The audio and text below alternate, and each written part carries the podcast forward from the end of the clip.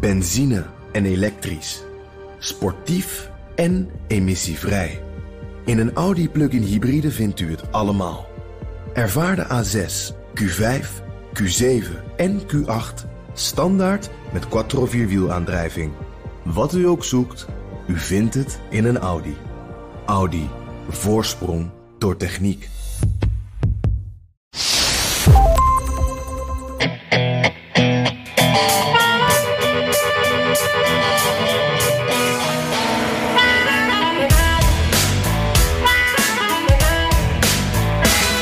Wervelstorm Aida heeft een spoor van vernieling achtergelaten in de zuidelijke staten, maar ook in het noordoosten, zoals hier in New York en omgeving.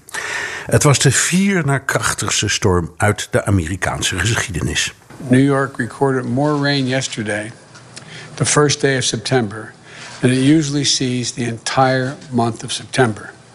We saw more than three inches of rain per hour fall in Central Park. The United States uh, National Weather Service issued a flood emergency in Manhattan, Brooklyn, Queens, the Bronx, Staten Island, and parts of Long Island last night. This is the first time that such a warning has ever been issued for the city. Amerika is echt in de rouw. En de vraag is of je je, flauwe woordspeling, maar toch tegen zulk natuurgeweld te weer kunt stellen. En over rouw gesproken, we staan natuurlijk stil bij de 20ste herdenking van 9-11. Maar vooral bij nabestaanden die president Biden hebben gevraagd zijn neus niet te laten zien. Dit is aflevering 93 van Amerika Podcast. Mijn naam is Bernard Hammelburg vanuit Studio New York met een beker lekkere koffie. Dat is de vaste openingszin van Jan Postma en die is met vakantie. En dus gaan we voor plan B, het al vaker toegepaste nepotistische alternatief. Ja, en dat ben ik, David Hammelburg. En het moet niet gekker worden, want we zitten dit keer tegenover elkaar met een lekker bakje koffie. Eh, eerst maar even over Aida. Volgens mij komt die naam oorspronkelijk uit het Duits en betekent vlijtig persoon. Nou, die Aida deed haar naam eer aan. Je hebt er als producer en correspondent met je neus bovenop gezeten. Wij zagen vreselijke beelden natuurlijk uit het zuiden, maar ook hier, uit de omgeving. Bijvoorbeeld de ondergelopen metro. Onvoorstelbaar zoiets. Geef eens een beetje de indrukken die jij zelf hebt opgedaan, of gezien, of gehoord, of mensen die je hebt gesproken. Ik ben inmiddels uh, door de loop van de jaren wel wat gewend met allerlei orkanen, zoals Katrina en Sandy, die we hier in New York hadden. Uh, dit sloeg bijna alles. En de reden is omdat New York zich niet had kunnen, uh, goed kunnen berekenen over hoeveel regen er zou komen. Er was goed op voorbereid. ze hadden een hoeveelheid in verwachting. En dat was drie of vier keer zoveel. Dus de beelden die je zag waren ondergelopen uh, ondergrondse in de, in de metro in New York. De, van, van het dak van de metro tot aan de rails. Je wist niet wat je zag. ondergelopen benzinestations. Uh, overal water. Er waren bepaalde plekken waar je alleen maar met een bootje door kon. Het waren ja, de, de beelden die je verwacht uit New Orleans en, en het verre zuiden. Uh, maar niet in New York. Dus iedereen schrok zich een hoedje. Er zijn ook inmiddels, ik geloof, 68 doden gevallen tussen uh, New York, New Jersey en, en New England. Dus het, het, het was nogal een storm. Ja. Nou, en het was een beetje het idee Miami is dit gewend. Het was nog heter uh, in de afgelopen zomer dan, uh, dan wat het normaal gesproken in Florida is. Dus je moet natuurlijk het hebben over klimaatverandering. Buitenwijken van de stad, die, die, die zijn er ook ontzettend onder geleden. Waar wij zelf hebben gewoond in, in Mamaroneck, buitenwijk van New York en Westchester. Helemaal overstroomt. Daar is een rivier. Uh, overstroomt en alles wat dus van boven naar beneden liep. Dat was... En dat is een beetje een Ardennenachtig gebied. Hè? Dus met de heuvels en rotsen. Ja, ja. en, en de, de, mijn oude eh, school waar ik op zat, lagere school... Uh, die straat, ik geloof dat er wel vier meter water lag. Je kon er dus alleen met een, met een boot komen. En nou moet ik het vragen. Het huis waar wij woonden en jij opgroeide en ik mijn kantoor had... Dat heb ik dus niet gezien, want dat, dat ligt aan de bovenkant van een heuvel. Dus ik, ik heb het vermoeden dat dat wel meeviel. Maar alles wat laag lag. eh, is, is natuurlijk getast. Wat je in de stad had, eh, heel veel woningen met, eh, laten we zeggen, één, twee persoons woningen. Ehm, eh, eerste verdieping en kelder van een familie en dan een familiehuisje daarboven. Een soort etagewoning. Ja, heel veel mensen in de kelder dus verzopen. Wat dus ook erbij kwam kijken is eh, wervelstorm eh, waarschuwingen. De Tornado Watch, zoals je dat hier hebt. En dan word je gewaarschuwd en dan moet je onmiddellijk de kelder in. Dus er zijn een aantal mensen gewoon verzopen omdat ze naar... Omdat ze braaf naar de waarschuwing luisteren. Precies. Dus het was wel, het was wel nou ja, het, het, het- alles bij elkaar. Om je nog een voorbeeld te geven. Central Park heeft een, eh, eh, eh, een recordtempo gezien in, in regen in één uur. Namelijk, namelijk 3,2 inch. Dat is nou bijna 10 centimeter, als ik dat goed zeg. Ja, dat is wat, wat, wat Joe Biden net ongeveer zei in, eh, in dat eh, quoteje dat we lieten horen. Dus het, het, het, eh, no- zoals ik zeg, New York was voorbereid. eh, Vooral naar Sandy. Eh, dat hebben we dus al eerder gezien. En toch zijn de mensen ontzettend geschrokken van wat we allemaal, eh, allemaal meemaakten. Ja. En, en hoe was de reactie, vonden de mensen hier en elders, van de regering? Want je hebt hier iets dat heet FIMA, dat in actie komt hè, bij grote noodgevallen. En die kunnen een hoop. De meeste mensen eh, in mijn eigen gebied waar ik hier zit, zijn de kelders volgelopen. En niemand, of bijna niemand, is verzekerd eh, voor overstroming eh, Nee. gevallen. Omdat het bijna niet te dekken is. En daar komt FIMA bij kijken. Ja, ja, in Nederland hoor je heel vaak dat mensen zijn wel verzekerd voor verticaal water, maar niet voor horizontaal water. Is dat hier ook zo? Ja, en om je een eh, eh, mooi voorbeeld te geven. Nou ja, mooi, dat is dan een, woordengrap. Maar toen eh, Katrina, gebeurde in 2005, komen we zo even op terug. Maar in feite was New Orleans, daar was alleen maar een grote storm. Daarna is hij doorgegaan naar Mississippi. Mississippi, heeft veel houten huizen. Al die houten huizen die zijn omver ge- geblazen. Eh, en pas twee dagen nadat hij in New Orleans voorbij kwam, braken de dijken. Toen liep New Orleans onder 80% van de stad. En toen kon er dus niet worden verzekerd. In Mississippi, waar al die houten huizen, houten huizen stonden, was de volgende dag alles, de hele staat verzekerd. Dus zo oneerlijk kan het zijn. Ja, ja, ja, dat is een hele ingewikkelde affaire. Zijn die mensen overigens ooit gecompenseerd, geholpen, weet ik wat? FIMA heeft een eh, grote rol in gespeeld. Of het herbouwen van huizen. Of het vinden van andere huizen. We waren een paar weken geleden. na de aanleiding van de o- overstroming in Duitsland. zijn we weer gaan kijken bij eh, de Far Rockaways. waar het zo erg is getroffen tijdens. Dat is eh, hier Long Island. hè? ja, dat is Long Island. Dat uh, vlakbij Kennedy Airport, waar het zo erg was eh, na Sandy. Nou, daar is de, de, de, de Army Corps of Engineers, dus het Amerikaanse leger, is daar bezig.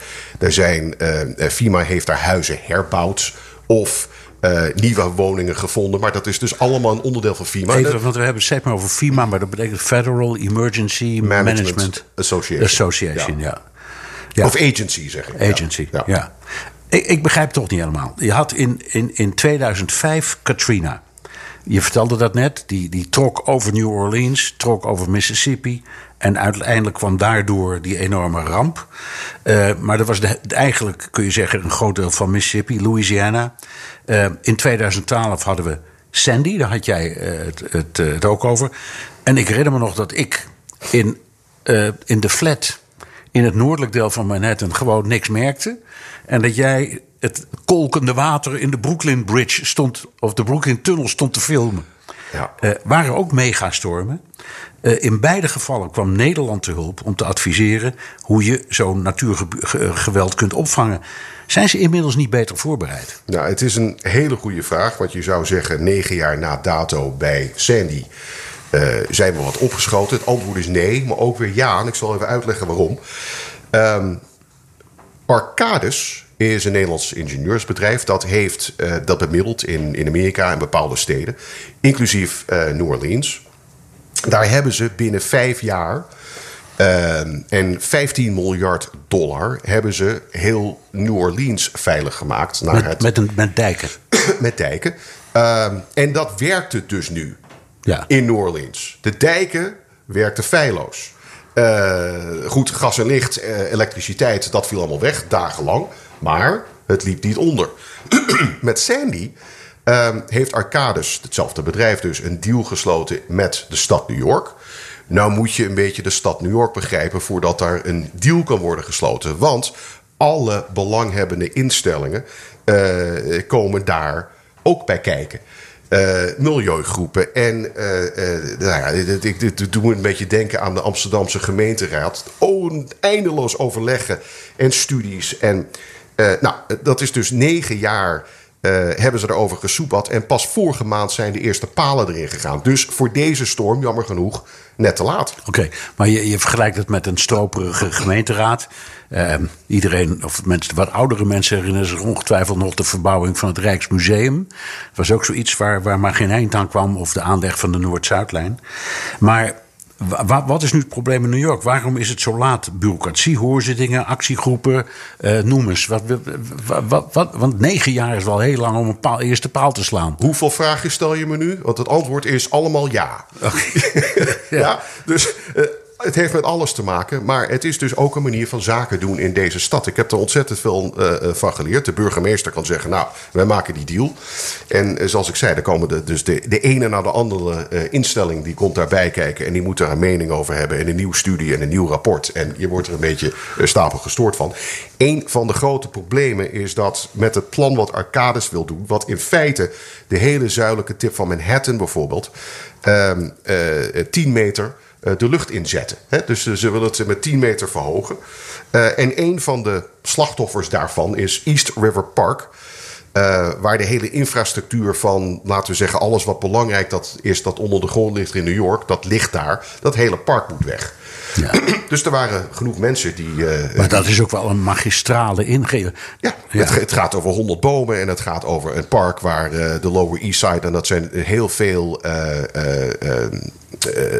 woningen met, laten we zeggen, mensen met lagere inkomsten. Die, die hebben dat park nodig. Basketbalveldjes. Ik bedoel, je kan het je best voorstellen. Dat moet weg. Zeg niet, ik zeg niet dat het niet terugkomt, maar dat is gewoon vier jaar verdwenen. Uh, en dat was een betere oplossing dan de hele FDR, dus de, de grote weg op de east side van Manhattan, voor vier jaar lang af te sluiten. Want dat was het alternatief. Nou, dat is niet te doen. Lang verhaal kort. Dus dat gesoebat en dat, uh, dat geruzie heen en weer, dat, dat leidde er uiteindelijk aan uh, dat het uh, negen jaar heeft geduurd voordat die eerste palen erin ging. Ja, het is, het is vreselijk, maar het, het, het, het is zo. Ja. Um, het is ook wel een, een, een gigantische ingreep. Je kunt het je bijna niet voorstellen dat 10 meter verhogen van een, een, ja, een gebied dat in feite helemaal. Dat, is, dat zuidelijke deel van Manhattan lijkt wel zoals het een strand eruit ziet. Hè? Die, die, die, die, die, stad zakt langzaam. Daar waar je staat te kijken naar het vrijheidsbeeld, dat punt, zou ik maar zeggen. Ja, dan krijg je bijna natte voeten. Waar Battery Park is, waar je de boot moet pakken om naar het vrijheidsbeeld te gaan of naar Ellis Island. Ehm, met één uur regen uh, sta je eigenlijk al met natte, eh, natte voeten op het land. Ja. Dus dat, dat is gewoon niet goed bezet. En dat is een van de problemen. En, en de New Yorkers of de stad New York begrijpt dat ook wel.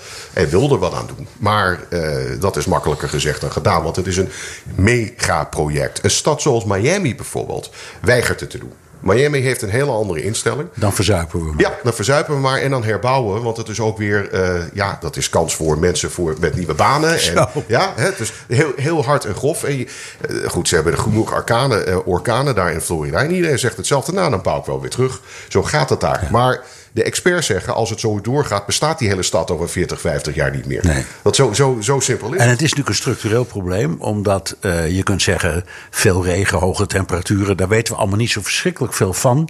Uh, we, we zeggen, we weten er wel veel van, maar er zijn uh, milieuoorzaken, er zijn cyclische oorzaken ja. in het weer. Maar feit is dat het water stijgt. Ja. Alle oceanen stijgen. Ja. Dus ik neem aan dat waar je op dat bootje naar het vrijheidsbeeld stapt, dat dat punt, dat het water daar eigenlijk structureel steeds hoger komt te staan. Als het zo doorgaat, uh, dan verdwijnt dat hele vrijheidsbeeld op deze manier. Maar nog belangrijker, uh, volgens de experts van in dit geval Arcades, uh, komt er wat meer bij kijken. Namelijk, alle metingen die ze tegenwoordig doen, dat komt uit normale weeromstandigheden, modules. Ja, dus je, je kan weer voorspellen met de modules die we al een eeuw lang gewend zijn. Met eh, de extreem weergevallen. Je hoort steeds, dit was een eens in een 50 jaar evenement. Of een eens in een 100 jaar gebeurtenis. Dat gebeurt nu elk jaar. Wat Arcades tegen me zegt is... de extreem weeromstandigheden is niet te weten. Dus nu kom je terug op die 10 meter verhoging. Maar wacht, je kunt dus geen model maken Je kan geen model voor maken. dit soort rampen. Precies. Dat Dus zegt- dat zegt dat, dat zeggen ze. Ja. Ja. Dus met die 10 meter verhoging van de zuidelijke tim van Manhattan, dat is mooi. Maar dat is een model gebaseerd op 4, 5, 6 jaar geleden. Als dat project af is over 20 jaar, is het misschien alweer verouderd. Ja. Dus zo snel gaat het. En dan is die 10 meter misschien ook niet eens genoeg. Nee. Dus dezelfde discussie die je in Nederland vaak hoort over dijkverhoging. Dat, je, dat, dat bereken je op rampscenario's. Maar ja, misschien wordt het nog wel erger. Een, ramp, een rampscenario in, in Nederland is geloof ik gemeten op 60 mm per uur. Ja. In Central Park, vorige week, Ja, 300 mm per uur. zo. Ja, ja, dat is ook wel heel overtuigend. Nou goed, ik, ik, ehm, ik had natuurlijk het geluk dat ik... ik, ik zie alleen maar stra- stralend weer. En mensen die in, in korte broek en t-shirt over straat lopen. Bij ons om de hoek hier is een benzinestation. eh, daarvan was dus een, een, een derde van die pomp was eh, belaagd met water. Voor de deur stonden daar dus 40 auto's gestrand. Die zagen wij eh, de volgende dag, tenminste de helft daarvan, weer terug. En die auto's die staan dan schots en scheef door elkaar over de weg. Maar die mensen waren dus gewoon gestrand.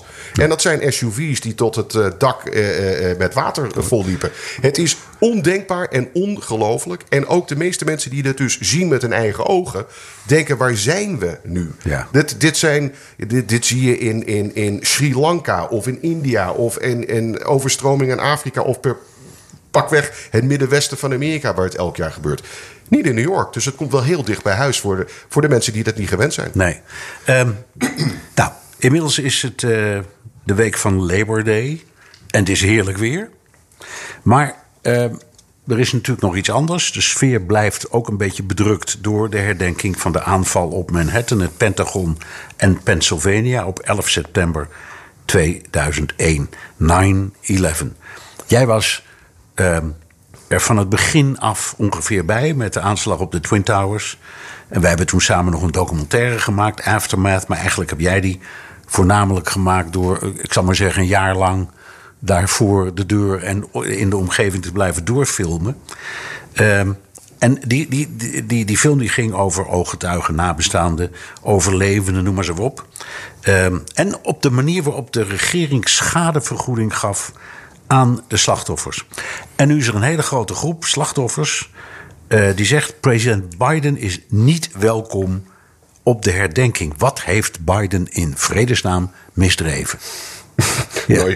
Je, kan zeggen eh, dat hij president is geworden. Want hij is niet de enige eh, president waar deze groep mot mee heeft. Ehm, er was, en dat weet jij ook, het fenomeen Kenneth Feinberg. Ja, die advocaat die werd ingehuurd door, Door de regering, regering Bush. ja. En dat was een meneer die verantwoordelijk was voor het weergeven van geld. Voor, het, voor, het, voor, het, voor, het, verstrekken van compensatie. Ja. Voor het verstrekken van compensatie. Dat heette ook de 9-11 Victims Compensation Fund. Ja. De deal was, als je die deal nam, Ja. dan kon je ook geen rechtszaak beginnen tegen of de airlines of Saoedi-Arabië. En was het, was het, dat herinner ik me nog wel, maar was het een aantrekkelijke deal? Het was een redelijke deal. Een redelijke deal? Dat wil zeggen een paar ton. En, eh, Contant? Ja, en, en afhankelijk van de situatie was het iemand die veel geld verdiende. Was het de, de kostwinnaar. Eh, er, waren, er was een module en een, en een schaal voor. Ja. Eh, en veel mensen die dachten, ja, ik kan wel aan een rechtszaak beginnen. Eh, maar dat duurt eh, eh, 80 jaar voordat ik ooit wat zie. Dus ik neem die deal. Maar Ja. er was ook een hele groep mensen. Waaronder deze eh 18 Maar wacht even, even nog over die deal. Op het Ja. moment dus dat iemand daarvoor tekende, dan eh, die Feinstein-deal nam, zal ik maar zeggen. Feinberg. Feinberg, Ja. ja. Dan, ehm, eh, dan kon hij ook geen enkele claim ooit meer. hij, dus, nee, dus dit was bindend. Dit was bindend, net zoals een arbitragezaak. Het is gewoon bindend, eh, finita della commedia. Er is trouwens een fantastische film op Netflix. Ik, ik, eh, ik ben niet iemand die vaak eh, films aanraadt, maar dat heet Worth. Ja. En dat is dus dit verhaal over Kenneth Feinberg. En de grootste vijand was iemand die heet Charles Wolf. Kom ik zo even op terug. maar Charles Wolf en uh, deze groep mensen is dus al 28 jaar bezig met een rechtszaak aanspannen tegen Saoedi-Arabië. Want 18 van de 21 hijackers waren Saoedi's en uh, de regering wist en weet van heel veel. Deze groep heeft dus uh, al vanaf president Bush en iedereen na hem uh, een, een, een, een claim ingediend om de, het bewijs wat de Amerikaanse regering heeft over uh, de invloed van de Saoedische regering met de hijackers, om dat los te geven. Zodat zij door kunnen gaan met hun rechtszaak. Dus Biden, even voor de duidelijkheid, ja. die 1800 of zoiets zijn er ja, geloof families ja, of, of ja, 1800 familieleden. familieleden, de overlevenden, die zeggen... Uh, Saudi-Arabië had hier iets mee te maken. Dat, dat, dat, dat blijkt uit een regeringsarchief. Dat is geheim. En wij willen dat weten, want we willen de mogelijkheid hebben om als Saoedi-Arabië een rol heeft gespeeld, ook de Saoedi-Arabische regering of wie dan ook te kunnen aanspreken. Juist. Ja. Uh, het is een beetje het verhaal met Panem 103 en de slachtoffers die uh, geld wilden hebben van Gaddafi en Libië. Ja, dat is uiteindelijk ook gebeurd. Dat is uiteindelijk ook gebeurd, maar er is ook, ik geloof, 20 of 30 jaar overheen gegaan. Maar goed, Amerikaanse uh, veiligheidsdiensten. kijk, alle presidenten die hebben dus een belofte gedaan aan deze groep. Wij gaan er alles voor doen om dit, dit deze informatie los te geven. Er zijn ook. Uh, maar dus, dus de regering zei, die, die groep zei: we willen de, jullie geheime dossier zien. Ja. En dan zei de regering elke keer: nou, dat kan wel. Ja, en dan maar, deden ze het niet. Nee, uiteindelijk, puntje bij paaltje. Dat gebeurde ook onder Trump. Die had deze belofte ook gemaakt. En uiteindelijk zei Trump: uh, het, het spijt me. Nou ja, dat zei hij nooit, want die woorden heeft hij volgens mij nog nooit gebruikt. Maar het kwam erop neer: ik kan het niet losgeven vanwege quote-unquote veiligheid. Um, Biden heeft dus tijdens zijn campagne precies diezelfde belofte gedaan. Hij heeft gezegd, eh, schriftelijk aan deze groep: uh, ik uh, dirigeer mijn FBI-chef en mijn minister van Justitie om dit allemaal vrij te maken. jullie hebben een rechtszaak, dat respecteer ik en zo gaan we door. En dat heeft Biden niet gedaan. Dus deze groep was woest. Dit is ook de eerste keer dat zij als groep uh, dit openbaar een publiek hebben gemaakt. En dus zeiden ze, dan moet je ook niet het lef hebben om je snufferts te laten zien. Niet op, op Ground Zero, uh, niet in, in een, Pennsylvania dus, en niet bij het Pentagon. Nee. U bent niet welkom, meneer. Ja. Dus daar, dit werd een groot verhaal. En terecht, want het is niet vaak dat een groep... Uh, in dit geval Amerikanen, hun eigen president gaat boycotten over zoiets met wat toch wel een monumental, monumentaal uh, iets is, dat, dat, dat 20 jaar 9-11. Nou heeft Biden deze week toegegeven. Hij heeft gezegd. Ik ga het vrijmaken.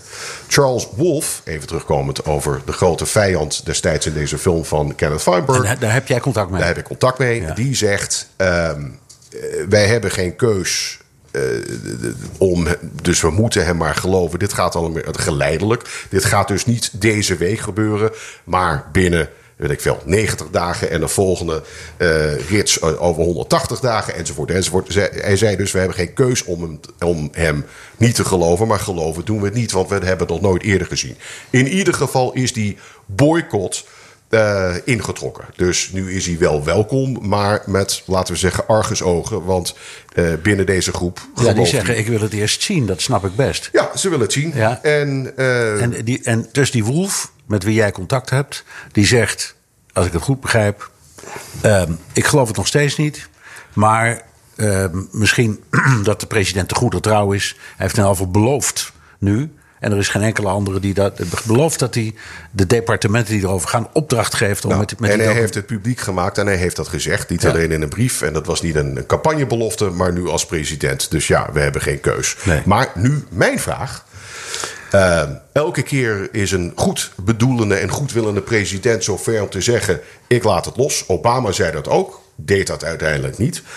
Uh, waarom denk jij dat die informatie uh, niet zo makkelijk vrij kan worden gelaten. Ja, dat is een hele goeie. Dat is dus de rela- het gaat hier om de relatie tussen de Verenigde Staten en Saoedi-Arabië. Dat is altijd een hele dichte geweest. Um, vooral vanaf Bush 1, want die had, die, wat, die had hele nauwe contacten met uh, het Koningshuis. En dan kom je meteen aan de kern van het probleem. Dat is het Huis Saoud, hè? heet dat. Ehm, en dat bestaat uit iets van uh, 13 tot 15.000 mensen. Dus, uh, dat zijn hele grote families, zoals je weet. Hè.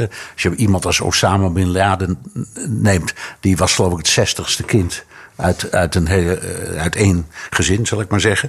Van die uh, zeg maar 13 tot 15.000 mensen zijn er 2000 die deel uitmaken van de macht.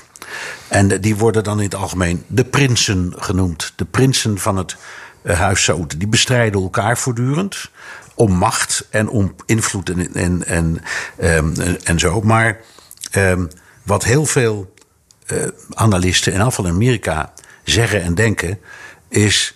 Um, daar deugt niks van. Dat is één grote corrupte bende. En daar zitten ongetwijfeld mensen tussen die niet deugen. Maar er is ook oppositie in Saoedi-Arabië. Daar hoor je niet zo vaak wat van. Maar die is er wel degelijk. Dat zijn de Wahhabisten toch? Nee, maar het zijn allemaal Wahhabisten. Hè? Okay. Wahhabisme is een, is een hele strenge vorm van islam. Mm.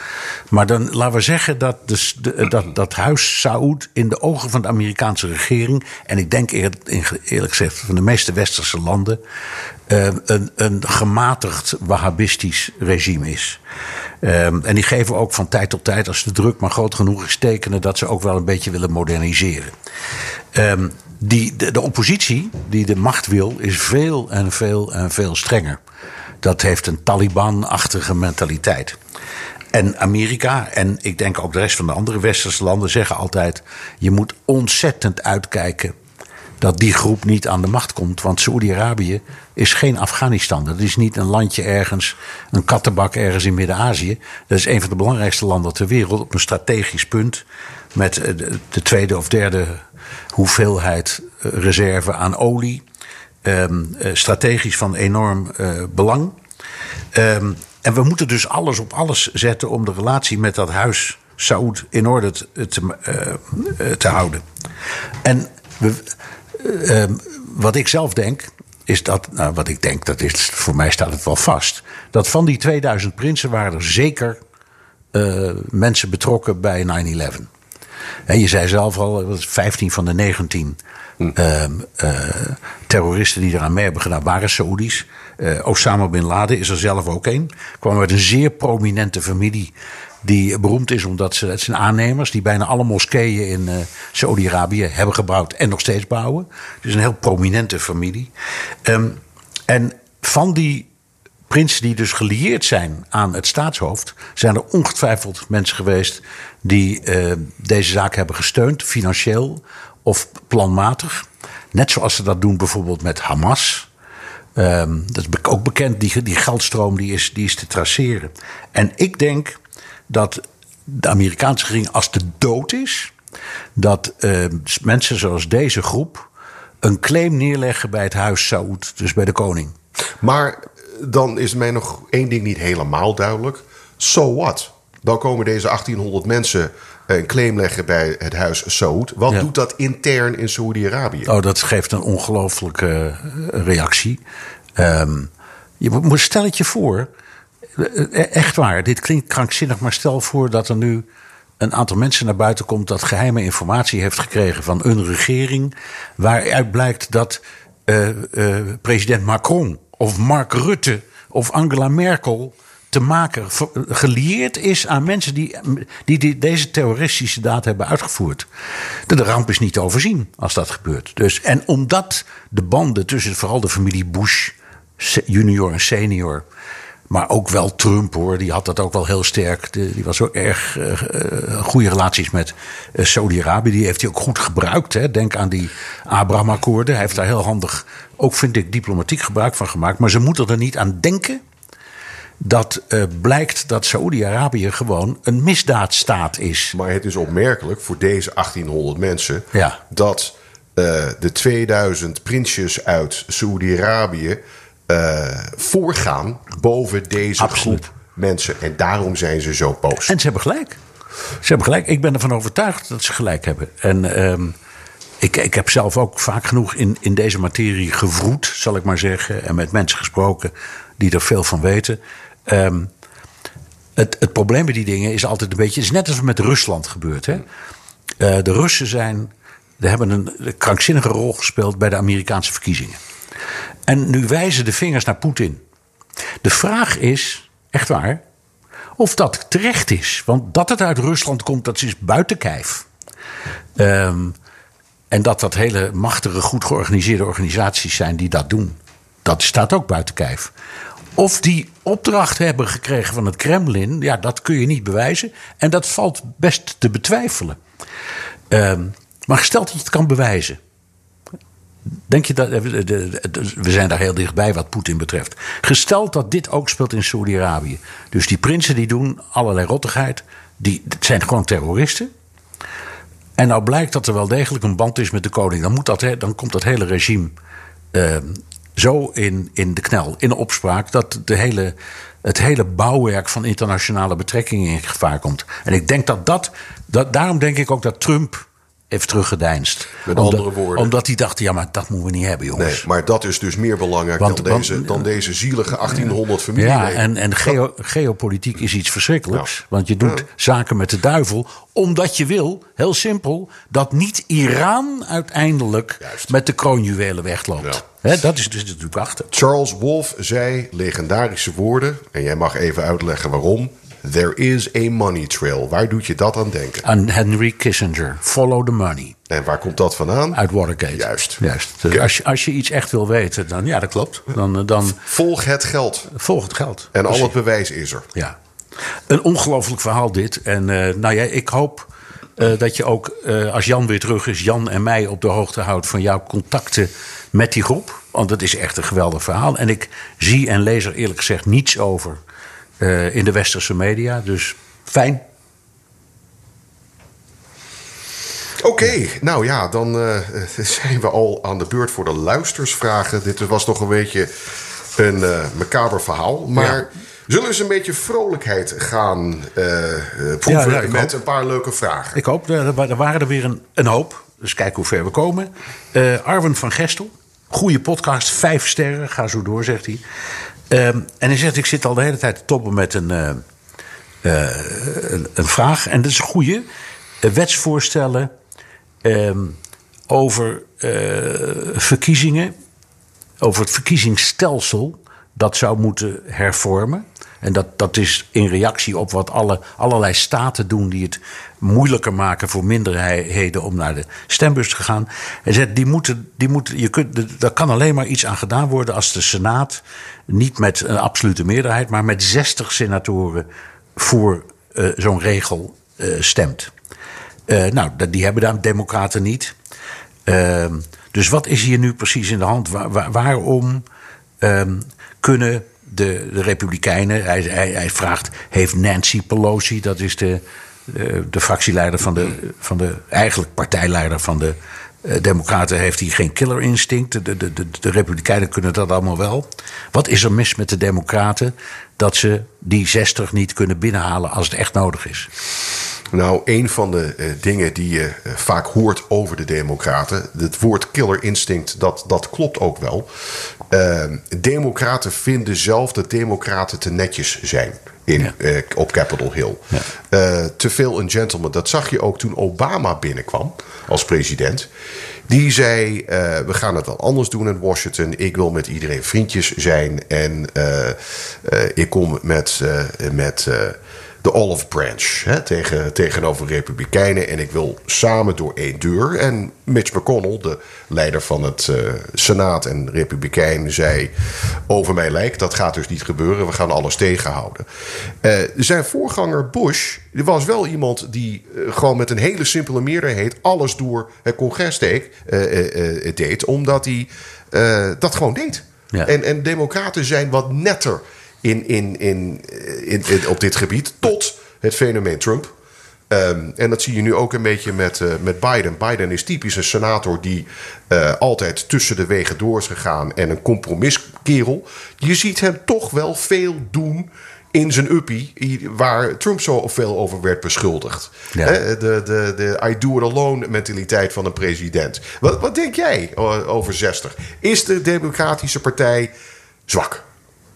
Eh, ja, dat denk ik. Ehm, en de, vraag, de eerste, eerste plaats is de technische vraag: waar komt die regel vandaan dat in een democratie niet de meerderheid van een, van een huis beslist, maar dat je voor een aantal soorten belangrijke beslissingen twee derde nodig hebt of zestig. Waar Hoe, komt dat hoe vandaan? vaak hebben jij en Jan het al over dit onderwerp gehad? Ja. Hoe heet dat?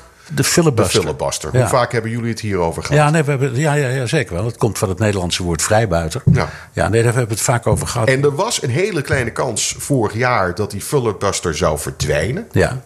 eh, in de strijd tegen Trump. Maar dan zeggen ook veel democraten...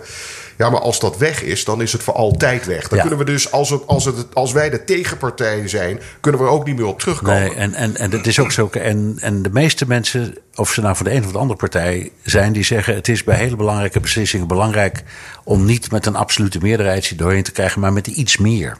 Dus dat je, dat je het gevoel hebt. Wat er in Nederland gebeurt met een artikel 100 brief. Hè? Dus als, als, er, als, we, als Nederland mee gaat doen aan oorlogshandelingen, dan komt er een brief aan de Kamer, heet artikel 100 brief. En het, dat hoeft helemaal niet, want eh, je hoeft daar helemaal geen toestemming voor te vragen als regering.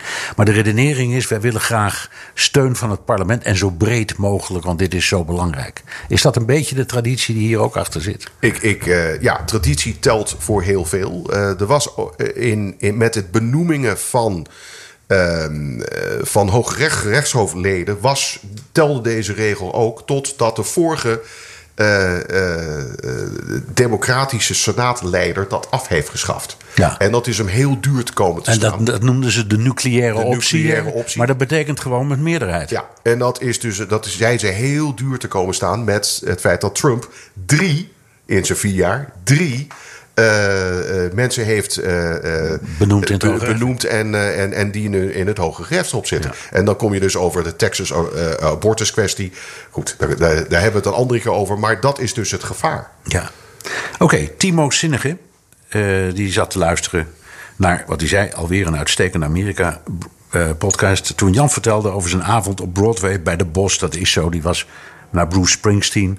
Die had een kaartje kunnen overnemen van een luisteraar van eh, de Amerika-podcast. Dat is een ontzettend leuk verhaal. Daar is hij inderdaad naartoe gegaan. Ehm, en hij geeft, komt met een eh, podcast tip.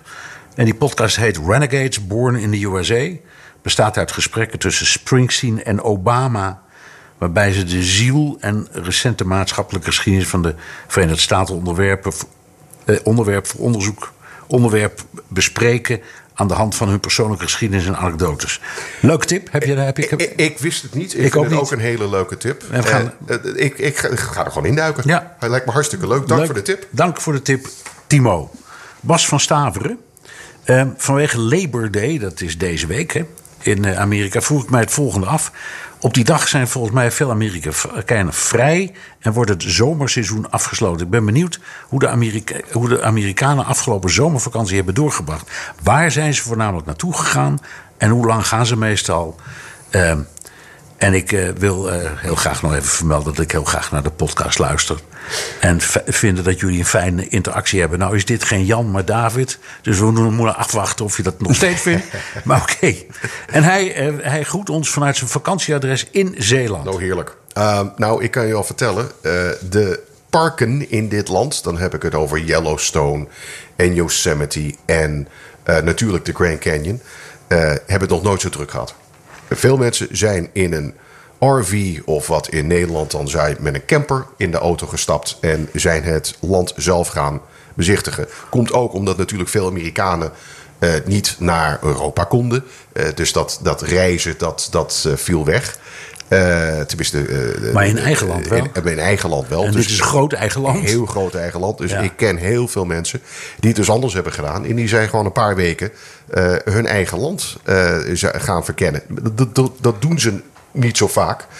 Ehm, maar als je foto's en beelden en film ziet uit de Grand Canyon... je weet niet wat je ziet. Loopt daar zwart met mensen. En het is fantastisch om te zien. Maar die, die parken zelf, die zeiden... eh, jongens, eh, dames en heren... ehm, eh, we rekenen erop. Dat zijn files en rijen en alles is volgeboekt. Dus wees, weet je wel zeker dat jullie wel willen komen. Want het is echt bom, bomvol. En natuurlijk... ja, dingen zoals Disney World, dat loopt altijd vol. Zelfs in een staat zoals Florida met corona en delta variant enzovoort. Florida staat goed heet. Iedereen is nog steeds naar Disney World gegaan. dat ja, blijft. ja. En, en over die vakantie, twee weken?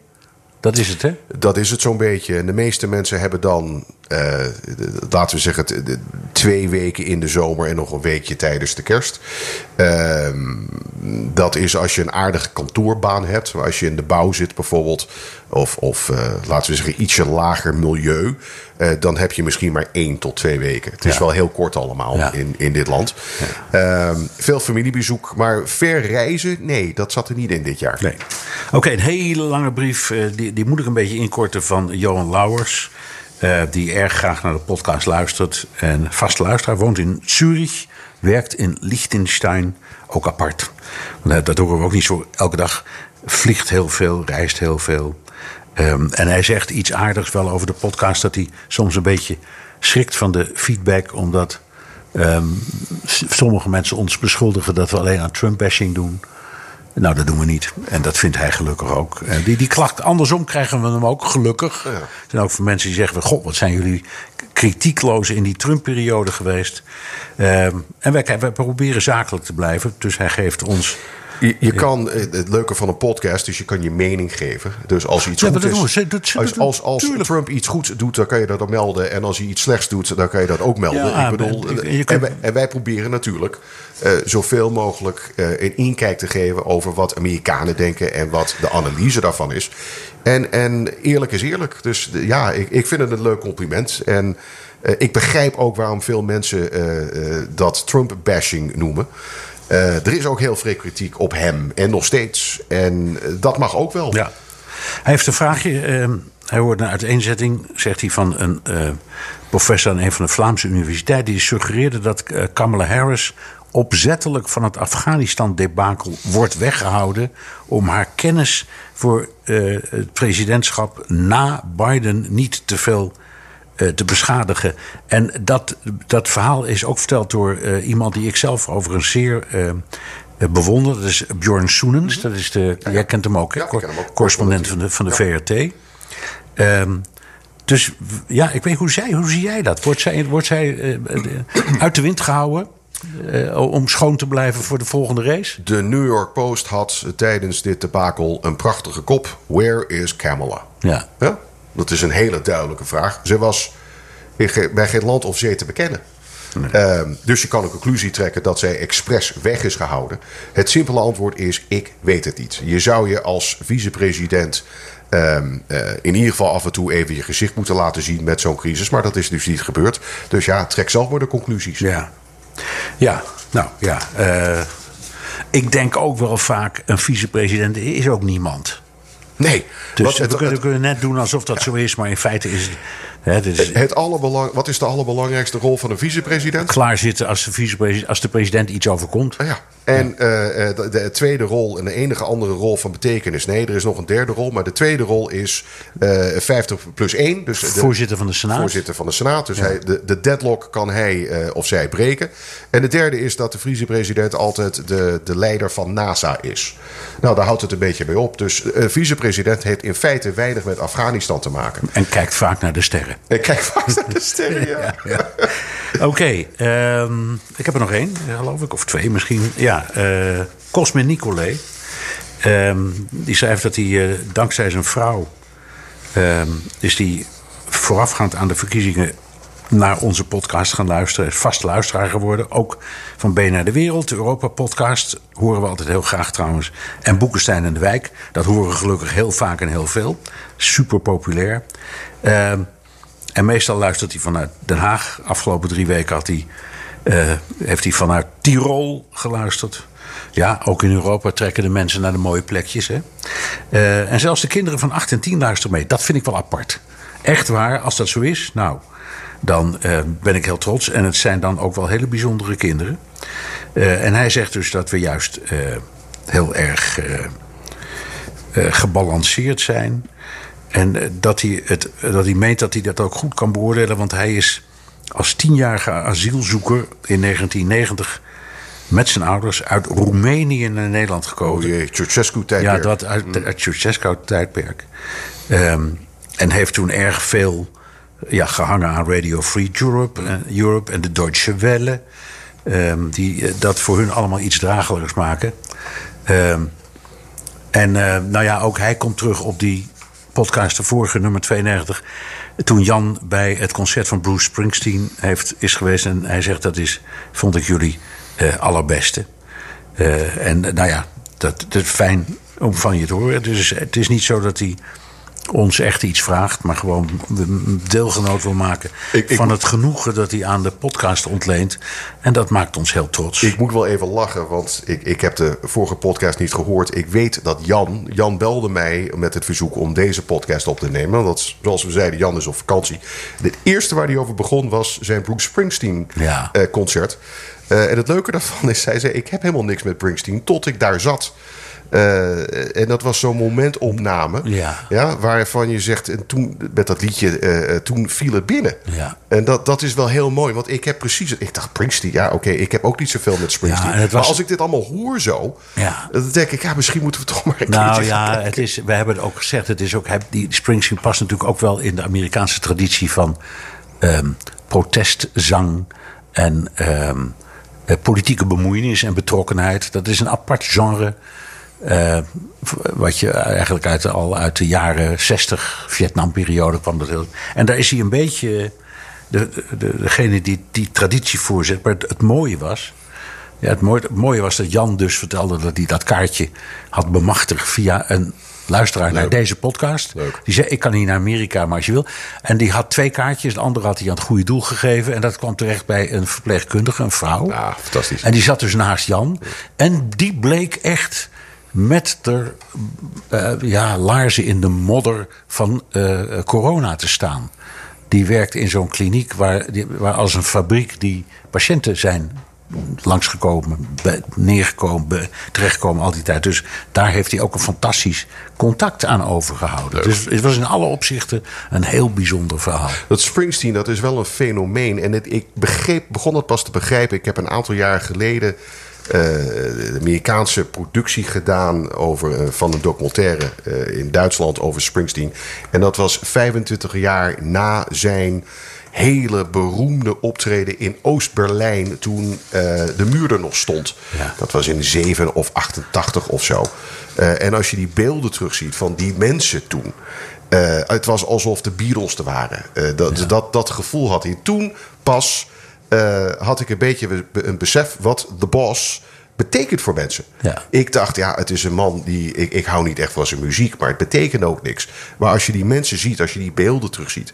eh en de interviews eh, over 25 jaar geleden van toen, wat het allemaal betekende voor die mensen. Ja. Het is toch, ja, ik, Ja, ik, ik moet toch maar eens een keertje gaan kijken en Precies. wat dichter kijken. Ik zou het ook ik, willen. Ik heb, ik heb toch wel mijn pet af Ja, voor en, en in dit geval was bovendien natuurlijk beperkt publiek vanwege eh, corona. Dus die zaal die was niet helemaal vol.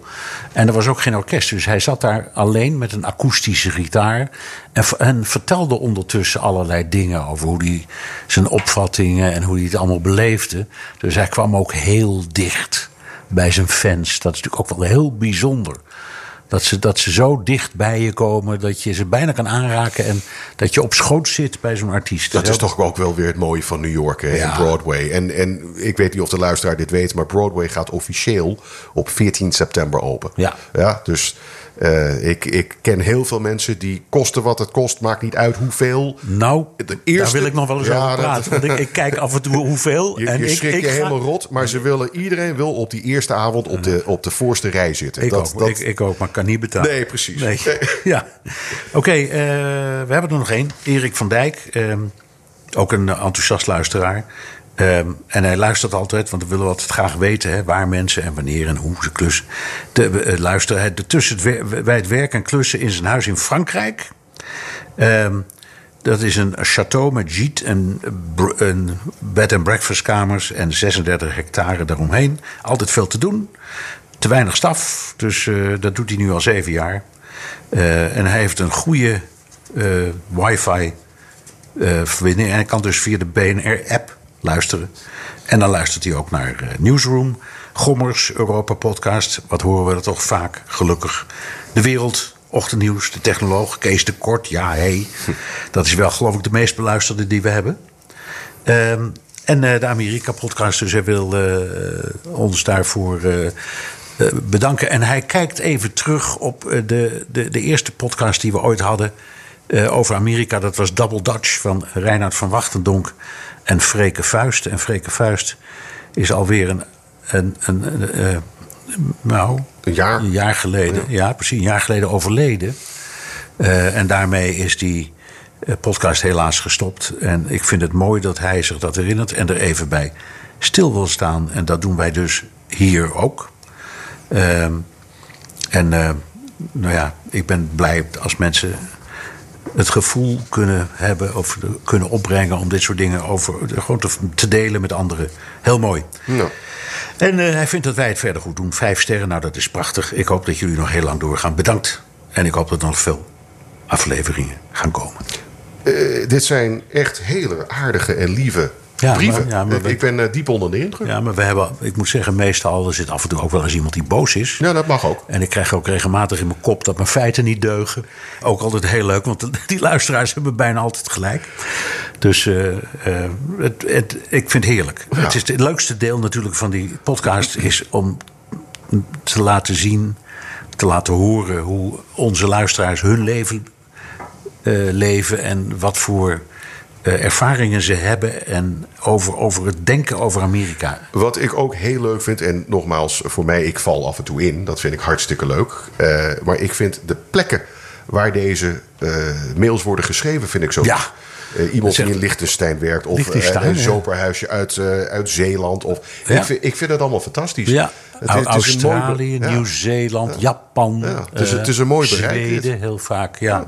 Ja, dat is inderdaad het zit de hele wereld, hè? Ja. nou, het is jammer, want eh, ja, dat is hem eigenlijk dan, deze aflevering nummer eh 93 inmiddels. Terugluisteren kan via de BNR-site, Apple Podcast of Spotify. Heb je vragen, opmerkingen, kritiek of complimenten... dan kan het ook met een tweet naar Jan Postma USA of BNR De Wereld. Of heel ouderwets met een mailtje naar dewereld.bnr.nl. En laat dan ook even weten hoe en waar je naar ons luistert. Ehm, ik vond het hartstikke leuk om weer eens in te mogen vallen. Volgende week is Jan weer terug van zijn welverdiende vakantie. Eh, met ongetwijfeld prachtige verhalen van wat hij allemaal heeft gezien en eh, waar, hij, eh, waar is geweest. In ieder geval dank voor het luisteren en tot volgende week.